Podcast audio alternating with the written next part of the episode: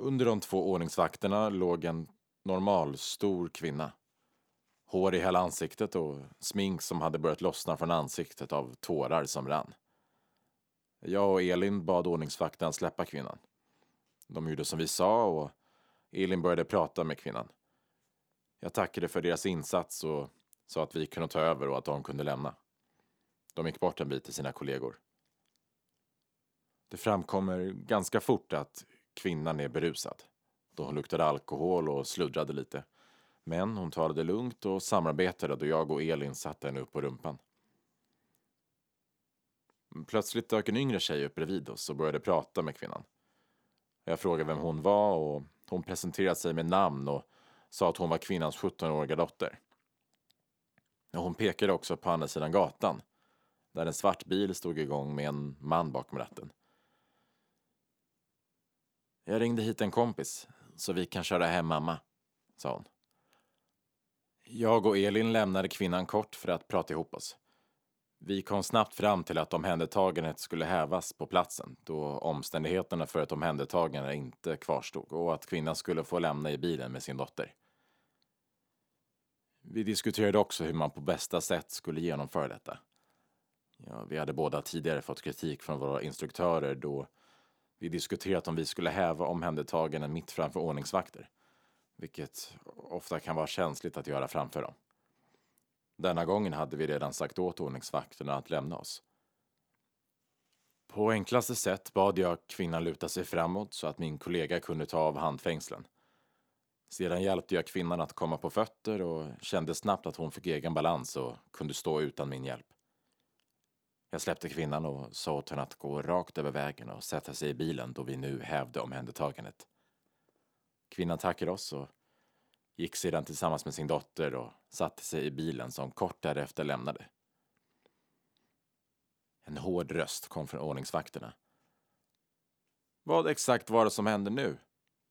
Jag såg direkt att det var precis det här de hade stått och väntat på. Jag går genast upp i varv på insidan men försöker hålla lugnet på utsidan och svarar vi hävde omhändertagandet och vi ansåg att det inte fanns skäl nog för den att kvarstå, svarade jag. Praktiskt. Det ni hörde nu var ett utdrag ur Simon, en aspirant, polisaspirant som har skrivit en berättelse som heter Besluta som en nybörjare. Monica, du som har jobbat länge som polis, vad, vad tänker du om den här berättelsen? Känner du igen det? Absolut. Jag skulle säga att det här är ett, Eh, ett väldigt vanligt ingripande för oss poliser. Eh, det är väldigt ofta som vi tar över eh, från ordningsvakter. Och det är känsligt om man inte har en bra dialog. Men jag tänker att här är det så viktigt att tänka på den personen som det gäller, alltså den omhändertagna kvinnan. Och jag som polis, jag måste bedöma eh, det, det som är där och då när jag kommer till platsen. Och jag kan inte ta hänsyn till att en ordningsvakt ska känna sig kränkt över att jag eh, bedömer situationen annorlunda. Eh, de har säkert gjort ett väldigt riktigt ingripande från början men när jag kommer till platsen så måste jag titta på situationen som den är då. Och då kan inte jag ta hänsyn till att eh, ordningsvakten eh, ska känna sig eh, kränkt eller för att man förfördelar en omhändertagna utan jag måste ju se till den personen som jag har framför mig, alltså den omhändertagna kvinnan och göra det som är absolut allra bäst för mm. henne. Monica, vill du berätta lite vem du är för våra lyssnare? Ja, eh, Monica Harnesk heter jag. Jag har varit färdig polis sedan 1995. Känns väldigt avlägset. jag har jobbat eh, ganska många år i yttre tjänst. Det börjar man ju med. Och yttre tjänst då åker man i den här radiobilen och får, eh, det är händelsestyrt. Man får jobb från RLC och man hittar på egna jobb också när man är ute bland allmänheten. RLC, vad är det för något för de som inte vet? RLC är regionala eh, ledningscentralen, alltså de som äger alla radiobilar som delar ut alla jobb till oss. Eh, sen så är det ju så att vi stöter ju på egna jobb också. Är man ute och åker radiobil eller fotpatrullerar eller vad man gör så stöter man ju också på brott som vi ingriper mot, som vi själva kan initiera. Men det vanligaste är att vi får våra jobb ifrån den här ledningscentralen. Jag har jobbat eh, med att utreda brott, bland annat brott mot barn. Eh, sen har jag jobbat väldigt mycket med utbildning och aspiranter som jag tidigt eh, tyckte var väldigt roligt. Och då är det ju inte långt från det till att gå till grundutbildningen till polis där jag jobbat dels på Sörentorp när den låg där och nu jobbar jag på Södertörns högskola på grundutbildningen till polis. Jonna, vad säger du om den här texten med ett omhändertagande av en berusad kvinna? Eh, jag tycker det är en, en väldigt spännande berättelse eh, utifrån just aspirantperspektivet. Jag tycker det är en väldigt tydlig bild för aspirantens situation. Att, eh, aspiranttjänstgöring handlar ju om att när man har suttit på skolbänken i några år så ska man ge sig ut och börja jobba som polis. Och, så det är ju polisutbildningens praktik. Och eh, den är ju på ett sätt ganska abrupt eller nästan lite brutal jämfört med andra, andra utbildningars praktiker eftersom de kastas in i ganska akuta lägen med en gång. Och det som jag också tycker är väldigt tydligt med den här berättelsen är ju att även om man lär sig förhoppningsvis ganska mycket på polisutbildningen och också tränar på den här typen av situationer så är det ju också en bild för att det är väldigt mycket som en polis inte kan träna sig till på något annat sätt än att arbeta. Alltså att de här aspiranterna ska ju ut i en situation och agera som poliser. Eh, och jag tycker att berättelsen liksom fångar väldigt mycket av den här komplexiteten. Dels så ska de liksom visa att de omedelbart vet vad som ska göras. Vilken, vilket lagrum är det som ska användas? I vilken mån ska det användas här? Sen ska de kunna bemöta ordningsvakterna. De ska också bemöta den här kvinnan och dottern. Att det liksom... Och sen så det som också eh, kanske inte framgick ur det här lästa partiet men eftersom jag känner till den här berättelsen så vet jag också att de här två aspiranternas instruktörer sitter i bilen och tittar på eh, vad de gör. Så att det är också samtidigt som de ska visa upp att de kan agerar som poliser och gör det här rätt så är de också konstant under bedömning. Eh, så att på det viset tycker jag situationen är Ja, jag tycker det ska bli kul att prata lite mer om den för jag tycker att den innehåller eh, väldigt mycket som pekar på hur svårt det är att, att vara aspirant och att bli polis. Eh, och det som jag också hoppas att vi kommer att komma in på är ju att den här situationen visar att polis är att jobba hela tiden tillsammans med andra människor och bland andra människor. Så att det är en väldigt kollektiv eh, sätt att arbeta. Mm. Men Jonna, kanske våra lyssnare vill veta också vem du är? Eh, jag heter då Jonna Lappalainen och eh, jag arbetar på Centrum för praktisk kunskap på Södertörns högskola.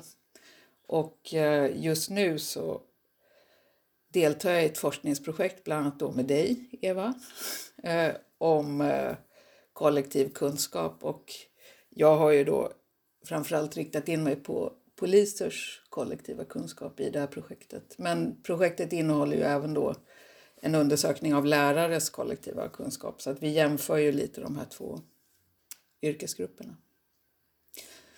Och sen håller jag ju då även på med en bok eh, som kommer ut alldeles snart. Och det är då en bok som består av elva aspiranttexter. Eh, Bland annat då den här texten av Simon. Och förutom de här elva aspiranttexterna så är det då fyra forskare som skriver i den här boken och reflekterar lite över vad som sker i de här berättelserna.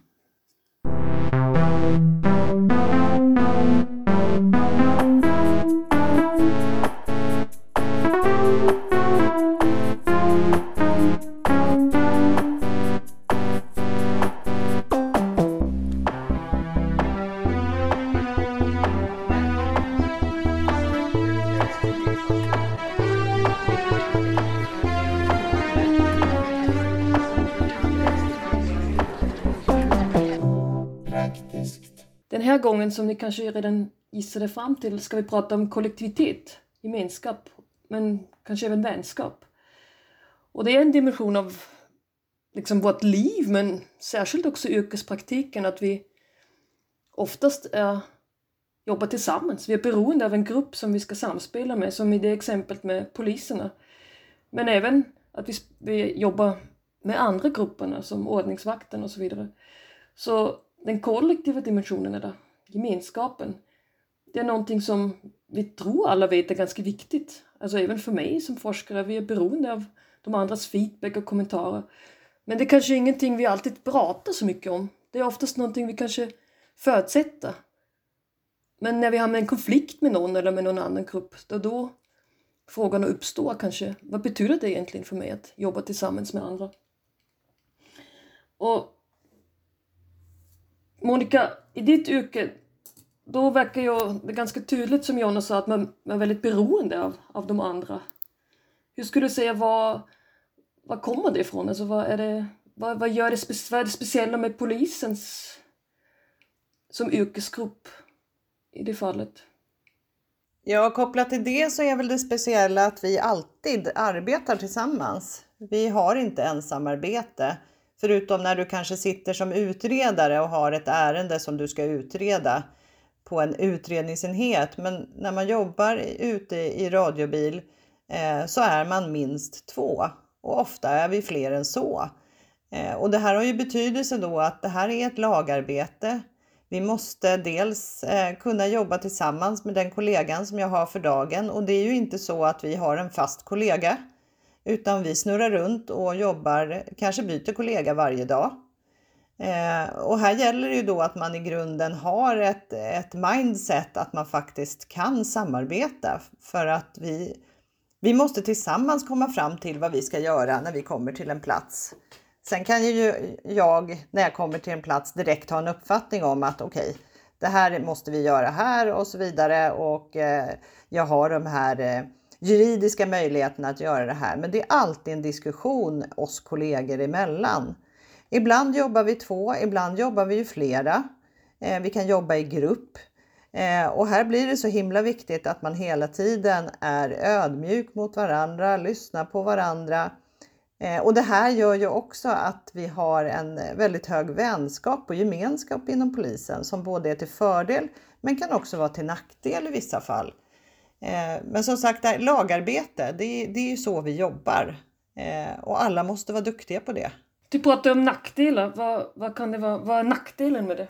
Det låter ju fint Nackdel... att ni är så vänskap. Ja, ja, det är det absolut. Eh, men det är ju den här berömda kårandan som ni säkert har hört talas om.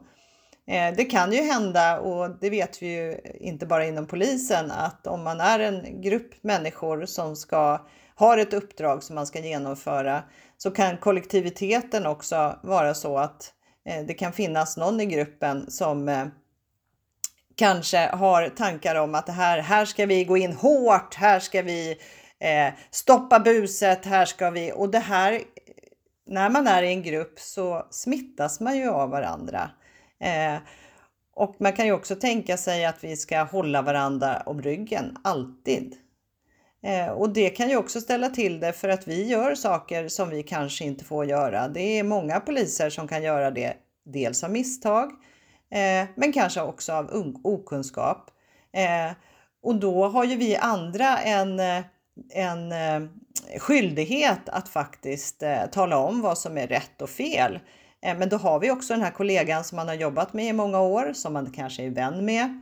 Eh, och det kan ju ställa till det och det var det jag menade med att det ibland kan vara. Mm. Och då är det svårt att säga emot till den kollegan man har jobbat länge med. Ja, och framförallt om vi återgår till den här aspiranttexten då. Att som aspirant stå upp mot en instruktör, det är inte helt enkelt. Man är i, ett, i en beroendeställning. Jag ska bli bedömd och jag ska bli godkänd eller underkänd av den här instruktören. Eh, men samtidigt så har ju vi en skyldighet i vår anställning att vi ska följa de lagar och regler som finns. Och det här kan ju ställa till det. Och framförallt då tänker jag för aspiranter som är ute på sin praktik. Men om jag får bryta in där så tänker jag att det, det, alltså det är det jag tycker också framgår lite i, i det här exemplet. För att Eh, även om aspiranterna har eh, den här lagen om omhändertagande av berusad person och tillgå och när den ska göras så är det ju eh, så väldigt många olika saker som pågår i en situation hela tiden. Och det är ju det som på något sätt den här situationen fångar upp. Att aspiranterna vet att det är viktigt att ha någon slags vettig relation med ordningsvakter för att ordningsvakter gör väldigt mycket arbete som polisen måste ha hjälp med att göra och det är viktigt att ha den här relationen. Samtidigt så är det en annan yrkesgrupp. Eh, och det som, det som jag tycker liksom kännetecknar egentligen alla yrken men blir väldigt tydligt i polisyrket är ju att det finns en massa saker som man bara kan lära sig genom att göra dem. Alltså till exempel så är en aspekt är ju att få med sig auktoritet i en situation. Om, det, om man går fram till ett gäng stöddiga ungdomar eh, och ska liksom säga åt dem att göra någonting Eh, Eh, det vet ju, jag skulle ju vara ganska dålig på det till exempel. De skulle inte lyssna på mig överhuvudtaget. Vad vill du? skulle de säga. Eh, men att där, visst uniformen gör ju en del men det är ju också någonting att, att hantera den här situationen. Eh, och det vet man ju egentligen inte förrän man är i de där situationerna och många av de här aspiranterna berättar ju då även om emotionellt väldigt påfrestande situationer. Alltså, eh, ofta situationer med barn som far illa och så ska de samtidigt vara handlingskraftiga och agera. Eh, och då finns det ju också den här aspekten, vad gör jag när liksom jag bara drabbas av de här känslorna? Kan, klarar jag av att hantera mina känslor? Eller, eller om det är farligt, alltså om det förekommer vapen eller hot. Eh, och allt det här måste ju på något sätt prövas i skarpt läge. Och det finns ju, även om man kan prata om de här sakerna så är det väldigt mycket av det här som på något sätt bara måste göras. Vilket jag tycker att den här praktiksituationen lite påminner om alltså, barn och vuxna. Alltså, det finns väldigt mycket som barn måste lära sig. De måste lära sig sitta på en stol, de måste lära sig hur man får skeden att träffa rätt i munnen. Och vi kan inte liksom förklara de här, vi kan liksom visa och göra det men det vuxna gör är ju att de liksom uttrycker uppskattning och säger bra, du gjorde det jättebra. Och på något sätt så blir det ju lite den relationen mellan aspiranterna och instruktörerna. Att aspiranterna, de gör någonting och de är liksom de testar och är lite osäkra och samtidigt så vet man ju att de sneglar lite på instruktörerna och instruktörerna står ju ofta inte och säger bra eller duktigt. Men jag menar, de känner ju ändå, gjorde jag det här rätt eller inte? Och det gör ju att det är så tydligt att aspiranterna de vet att de måste visa att de kan samarbeta, men att kunna samarbeta i ett polisiärt sammanhang, det innebär också att läsa den här situationen på samma sätt som en erfaren polis. Hur läser instruktörerna den här situationen? Och det är ju här, eh, så att där, där har man ju lite den här beroendesituationen. Jag vet att jag är lång nu, men jag vill bara få fram att det som också blir så viktigt här är ju att det är ju inte bara den här erfarna kollegan som har jobbat i 30 år utan de här som arbetar som instruktörer de sätter ju också väldigt tydligt en bild för vad det är att arbeta som polis. Eh, så att när du arbetar med en instruktör, hur ska jag hantera den här, det här lägenhetsspråket? Vad är det jag ska gå på? Vad är det som är viktigt? Hur bemöter man ungdomar?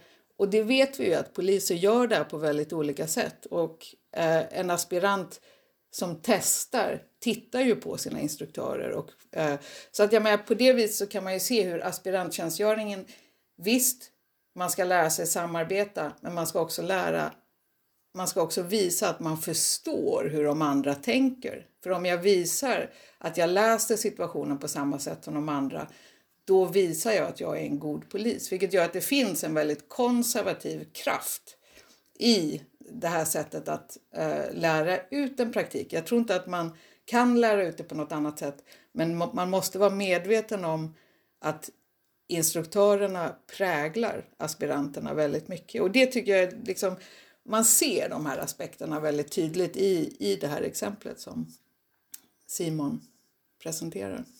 Okay. Tack Jonna. Nu när, ni som lyssnar, ni såg inte men Monica nickade ganska mycket när, när Jonna pratade. Så du, du, du jobbar ju med, med studenterna liksom innan, också innan de skickas ut till aspiranten. Hur kan man förbereda dem för det?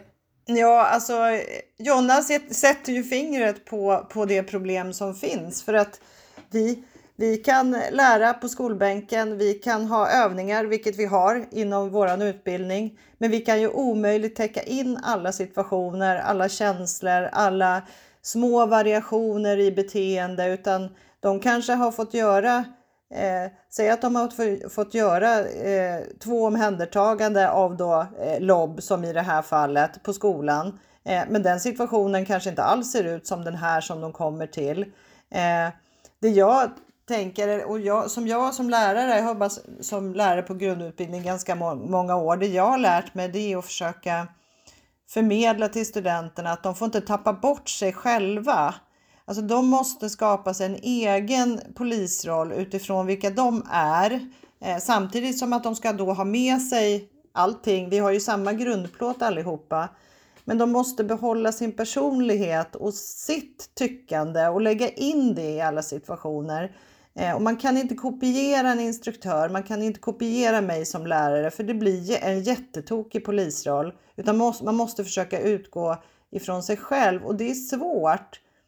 För i den här situationen som Jonna beskriver, den här eh, beroendet man har av den här instruktören gör ju att många aspiranter hamnar i att de kopierar det som eh, instruktören gör och det, det som instruktören förmedlar. För att då tror man att man, ja men då kommer jag ju bli godkänd. Om jag nu bara gör som han brukar göra så blir det här bra. Och då tror jag tyvärr att man tappar bort sig själv lite grann. Eh, och jag vet inte riktigt hur man, hur man ska kunna hantera det eller uppmuntra eh, aspiranterna att men gör inte så, behåll er själva. Men ta emot kunskapen som ni ser att den här instruktören har. För det tror jag är himla viktigt. Eh, men så brukar jag göra. Jag brukar många gånger påtala det här att tappa nu inte bort det själv. För jag kan också se att studenter som kommer in i termin 1, när de har kommit till termin 4, då är de ganska lika varandra allihopa. Eh, därför att man tror att man ska in i någon, någon specifik roll och alla ska se likadana ut och alla ska göra på samma sätt. Och det funkar inte riktigt. Vi är beroende av att vi är olika eh, och att vi kan komplettera varandra när vi jobbar ute. För då tror jag också att man kan komma till ett mer, hu mer humana ingripanden om man har med sig sin person.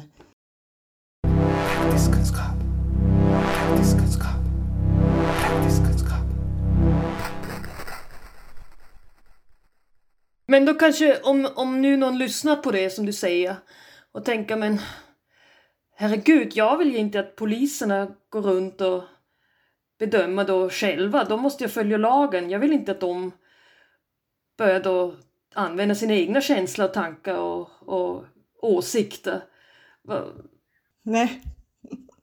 Nej, men vad bra att du säger det. Eh, för så är det ju naturligtvis. Vi måste ju hela tiden tänka att i varje situation om vi ska ingripa mot någon så måste vi först pröva. Finns det någon laglig rätt för oss att ingripa här?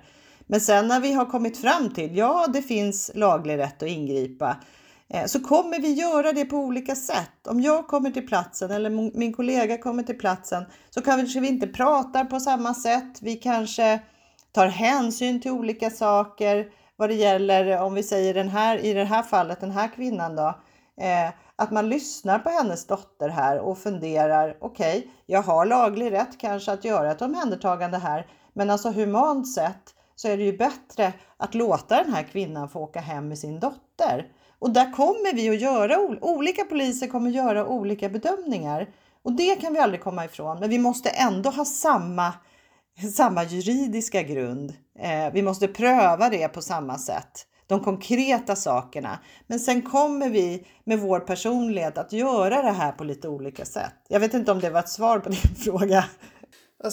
Jag tänker också att inom polisen, alltså eftersom polisyrket är ett yrke som också befattar sig med farliga situationer. Alltså att det finns situationer där det uppstår hot och våld där eh, poliserna är beroende av varandra på ett, ett kanske mer akut sätt än många andra yrken. Om man till exempel ska gå in i ett mörkt garage och säkra det här garaget eh, så är det så pass stort att man måste kanske vara fyra stycken poliser som gör det. Då måste man också lita på att de andra poliserna gör det de ska, att de liksom är kompetenta att göra det här. Eh, och den här liksom att ständigt behöva, alltså någonstans också din, ditt liv och ditt välmående är faktiskt akut beroende av andra människor. Och så tänker jag att det här, jag tror att det i sig är liksom enormt präglande för polisyrket. Alltså att om jag ska arbeta med någon vars personliga säkerhet jag måste lägga i den här personens händer, då måste man liksom jobba med den relationen på ett annat sätt, vilket är väldigt tydligt när man jämför med lärare till exempel som inte har liksom liknande kollektiva strukturer som poliserna där. Eh, men samtidigt så är det ju så att, och och, och då, då tror jag att man liksom får, lite tror jag att polisyrket bygger sin idé om kollektivitet utifrån de här farliga situationerna. Och det tror jag också är ganska naturligt därför att eh, vi vill överleva. Eh, men samtidigt så är det ju då att i en viss typ av situationer så krävs det nästan likformighet. Alltså att, och, och på ett sätt så är det i någon mening ganska enkla situationer. Om man ska ta, in en, ta sig in i en lägenhet och övermanna en person som är beväpnad, då vill alla att man ska se exakt samma saker. Jag vill veta att den här personen förstår vad som är farligt. Jag vill veta att den här personen vet att den måste säkra resten av lägenheten. Och där finns det ju en strävan efter en enorm likformighet i agerandet och det tror jag liksom är det är nödvändigt. Det är nödvändigt även inom militären till exempel för att här har vi liksom farliga situationer. Men samtidigt så vet man ju också att den största delen av polisyrket är ju inte den här typen av akut farliga situationer utan då är det kanske eh, ska jag lobba den här kvinnan eller inte? Ska hon få åka med?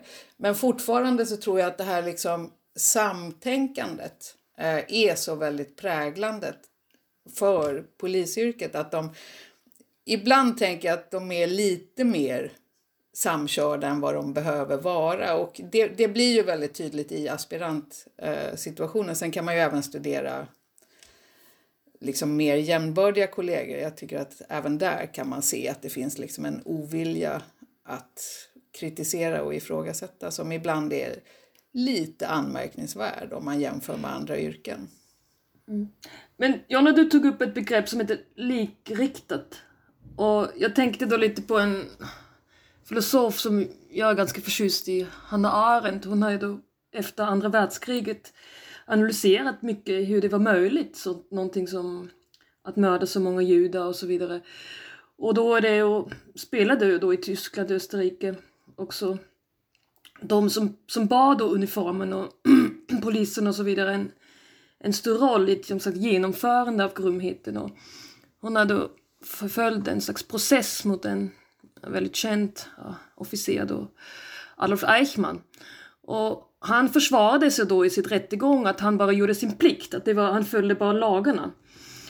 Jag tänker mycket att nu tänker man i Sverige att de lagarna är, är bra, alltså att de, de bygger på någon moralisk grund, men hur ska man förhålla sig då som, som, som någon som bär uniform till den där möjligheten att att, ens, att man måste ändå, som du också sa Monica, att man måste ändå förhålla sig till lagstiftning och bedöma i, om, i en, en enskild relation om det på vilket sätt jag kan utföra det human och moralisk. Um, hur ska man, alltså hur ska man prata med, med blivande polis om det? Alltså den där faran med den där lik riktade blicken. Å ena sidan som du Jonna säger, man beroende av det, man behöver den för att kunna jobba bra. Men samtidigt måste man kanske i stunden också se att aha, men här måste jag, får jag inte göra det, får jag inte gå in i kollektivet, här måste jag dra mig ur det och, och säga emot det eller säga något annat. Har du, har, du, har du upplevt sånt i ditt yrkesliv Monica, att du känner att det är någonting du kan i exempel för studenterna för, eller hur?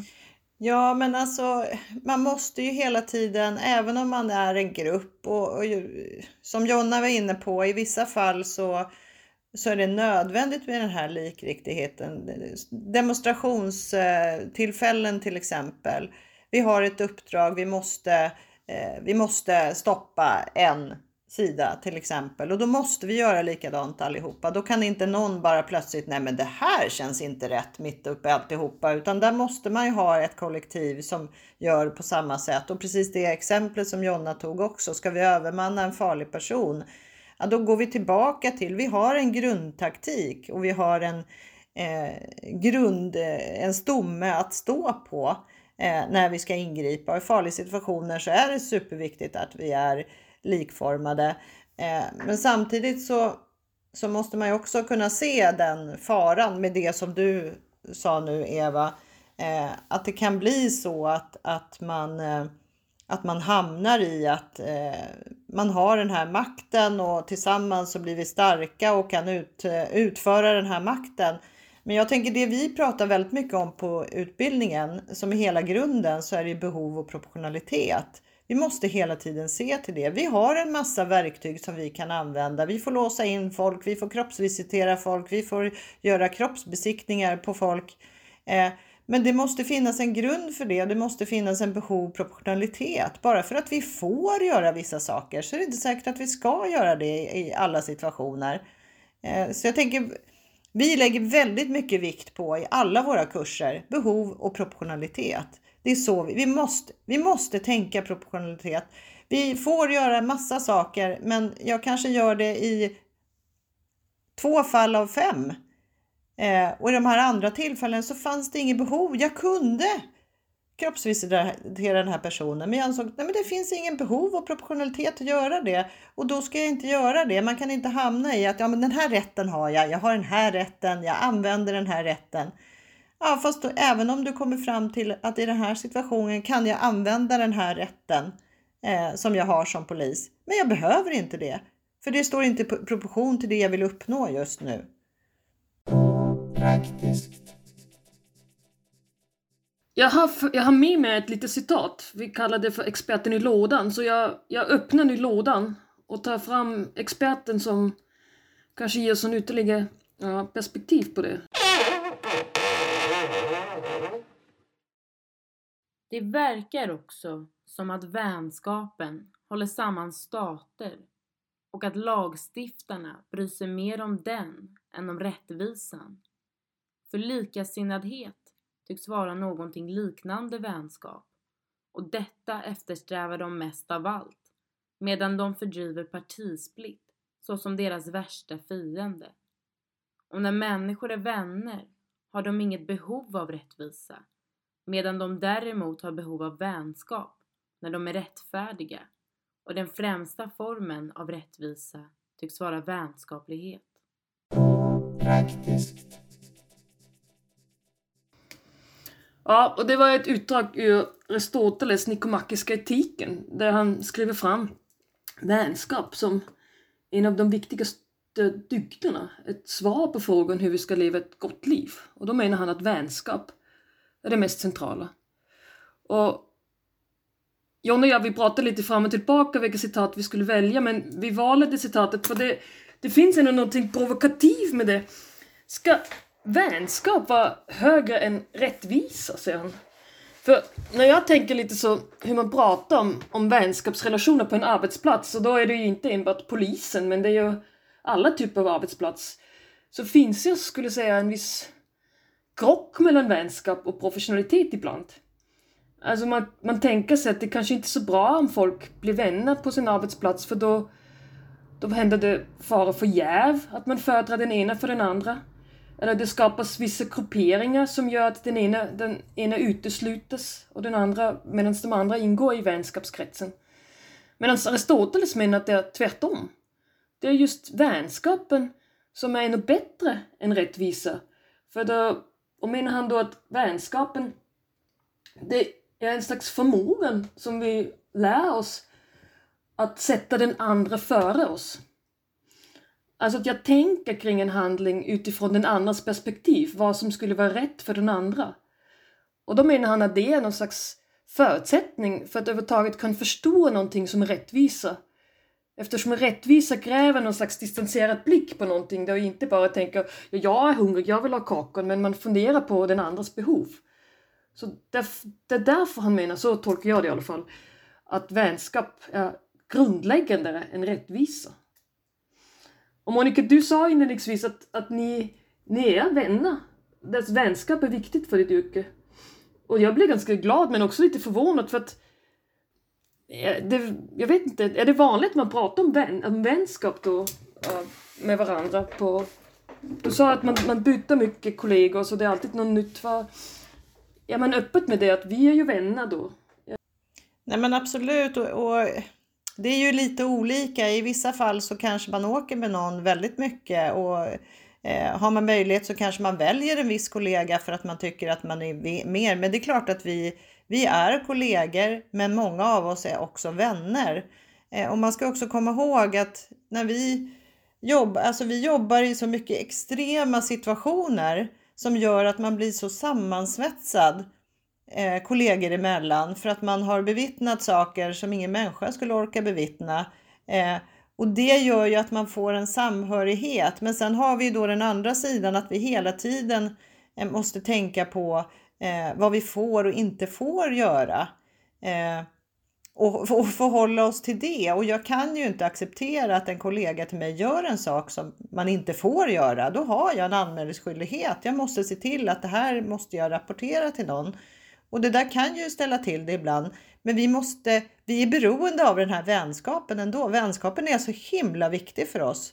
Och det är den som avlastar oss när vi då har varit med om de här fruktansvärda sakerna. Så är det ju faktiskt den som sitter bredvid mig i radiobilen som får höra vad, hur jag mådde efter det här. Och det är klart att man är vänner. Eh, men det, är också, det, är också, det kan också ställa till det och det kan vara svårt. Eh, och det tror jag är många poliser som har råkat ut för att, att man har blivit satt i den situationen att jaha, det här måste jag faktiskt rapportera.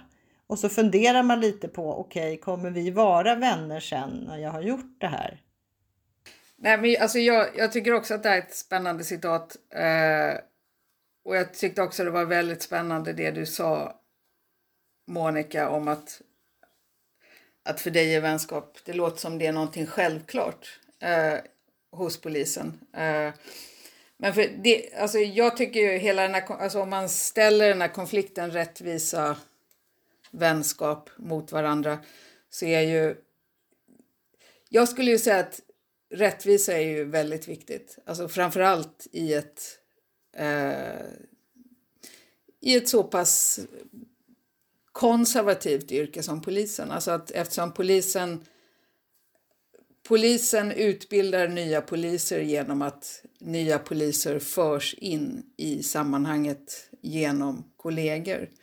Eh, då, alltså jag kan ju bara jämföra med, med min egen erfarenhet som ung kvinnlig doktorand i det mansdominerade ämnet filosofi, att det var väldigt svårt eh, på 90-talet att, att överhuvudtaget komma i fråga när någonting dök upp eftersom jag hade fel kontakter, jag hade liksom inte rätt vänner. Och jag tycker att inom universitetsväsendet har det varit liksom en, ett väldigt fokus på rättvisa, att vi ska liksom, man ska titta på olika faktorer, kön, etnicitet och liksom hjälpa, se till att det inte eh, det blir proppar av vänskapskluster som tar in varandras vänner. Och jag kan tänka mig att det här också liksom var, eh, jag tror att det var väldigt tufft att vara kvinnlig polis i de första omgångarna eh, och att man inte hade rätt kontakter eller hade, kände rätt personer. Man var helt enkelt fel kön. Eh, så att jag tror att rättvisa är ju väldigt, eh, alltså det är ju en väldigt viktig aspekt. Eh, samtidigt så tänker jag att ibland så blir det ju nästan så att vänskap i en rättvis kontext blir någonting dåligt som du tog upp Eva. Att det blir liksom någonting som bara leder till jäv eller dåliga.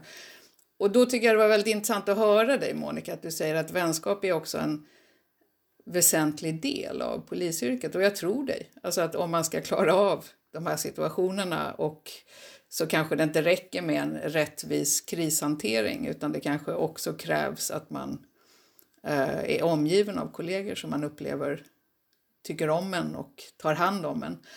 Eh, så att jag, jag, jag tycker ändå att Aristoteles, alltså, jag vill ju inte säga att, jag tycker det är tungt att säga att vänskap är viktigare än rättvisa, men jag, jag tycker det är väldigt spännande att han ställer de här två mot varandra och liksom eh, betonar vänskapens betydelse och jag tänker att där, det kanske vi skulle göra lite mer idag överhuvudtaget, alltså i, i en del av de här rättvisesystemen, inte glömma bort vänskapens väsentliga betydelse för en fungerande yrkeskår.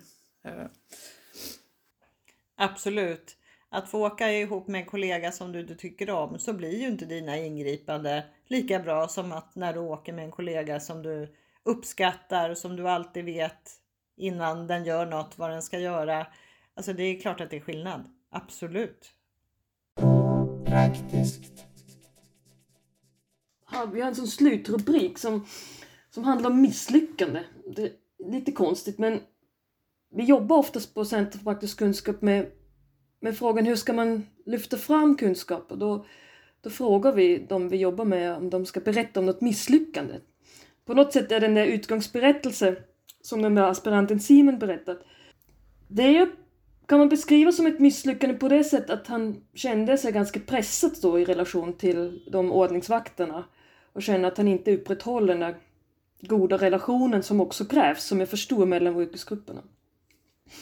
Men jag vill liksom utmana er lite till slut om någon av er kan, vill berätta om något misslyckande som, som är viktigt. Och om ni vill tänka lite så kan jag börja med att jag, nu har jag skrivit mycket om det med Aristoteles och vänskap, att man ska utmana sina riktiga vänner. Och då, då pratade jag nyligen med en vän som jag då tänkte, funderade på om jag ska stödja denna vännen eller ska jag nu använda mig av Aristoteles utmaning att, att man måste kritisera sina vänner för att de ska bli bättre människor. Då, då kritiserade min vän ganska hårt. Och nu, nu är hon, eller han, eller hen ganska sur på mig. Så nu, nu är jag lite osäker om det, om det gick hem så bra med Aristoteles i praktiken. Är det någon, någon av er som har någon misslyckande att dela med Ja, men eftersom jag är här då i egenskap av polis så tänker jag att det är väl bra att jag tar ett polisiärt misstag Eh, som är pres preskriberat för länge sedan. Det här hände på 90-talet. Eh, men jag tycker att det är intressant därför att jag beslutade felaktigt om en omhändertagande av en ungdom för att jag blev provocerad av henne. Hon provocerade mig så pass att jag eh, beslut, sa till mina kollegor att hon ska omhändertas, vi ska köra hem henne. Eh, och det gjorde vi och det, ja, det, slutade ju bra. Vi fick tag i föräldrarna och så. Eh, men jag hade inte juridisk grund för det här omhändertagandet utan jag gick helt på mina känslor. Hon provocerade mig så mycket eh, att jag hamnade i att jag beslutade det här. Och det, det är någonting som, alltså det här är ju 96 tror jag det här hände och jag kan fortfarande, och jag brukar ta upp och berätta det här för studenterna också, att det här kan hända och det har ju präglat mig eftersom jag kommer ihåg det så himla väl. Jag kommer till och med ihåg vad hon heter. Eh, men ja, men det är intressant vad känslor faktiskt kan göra. Men jag lärde mig väldigt mycket av den händelsen. Och den slutade väl ska jag säga. Men, men ja, jag, kan, jag bär fortfarande med mig den. Praktiskt. Om ni där ute som lyssnar på det här vill dela med era misstag eller berätta om vilken roll vänskap och gemenskap spelar för yrkesutövning. Så jag vill välkomna att mejla in till mig, eller till oss. Men jag säger tack till er två, Monica och Jonna. Det var väldigt intressant att prata med. Hej då!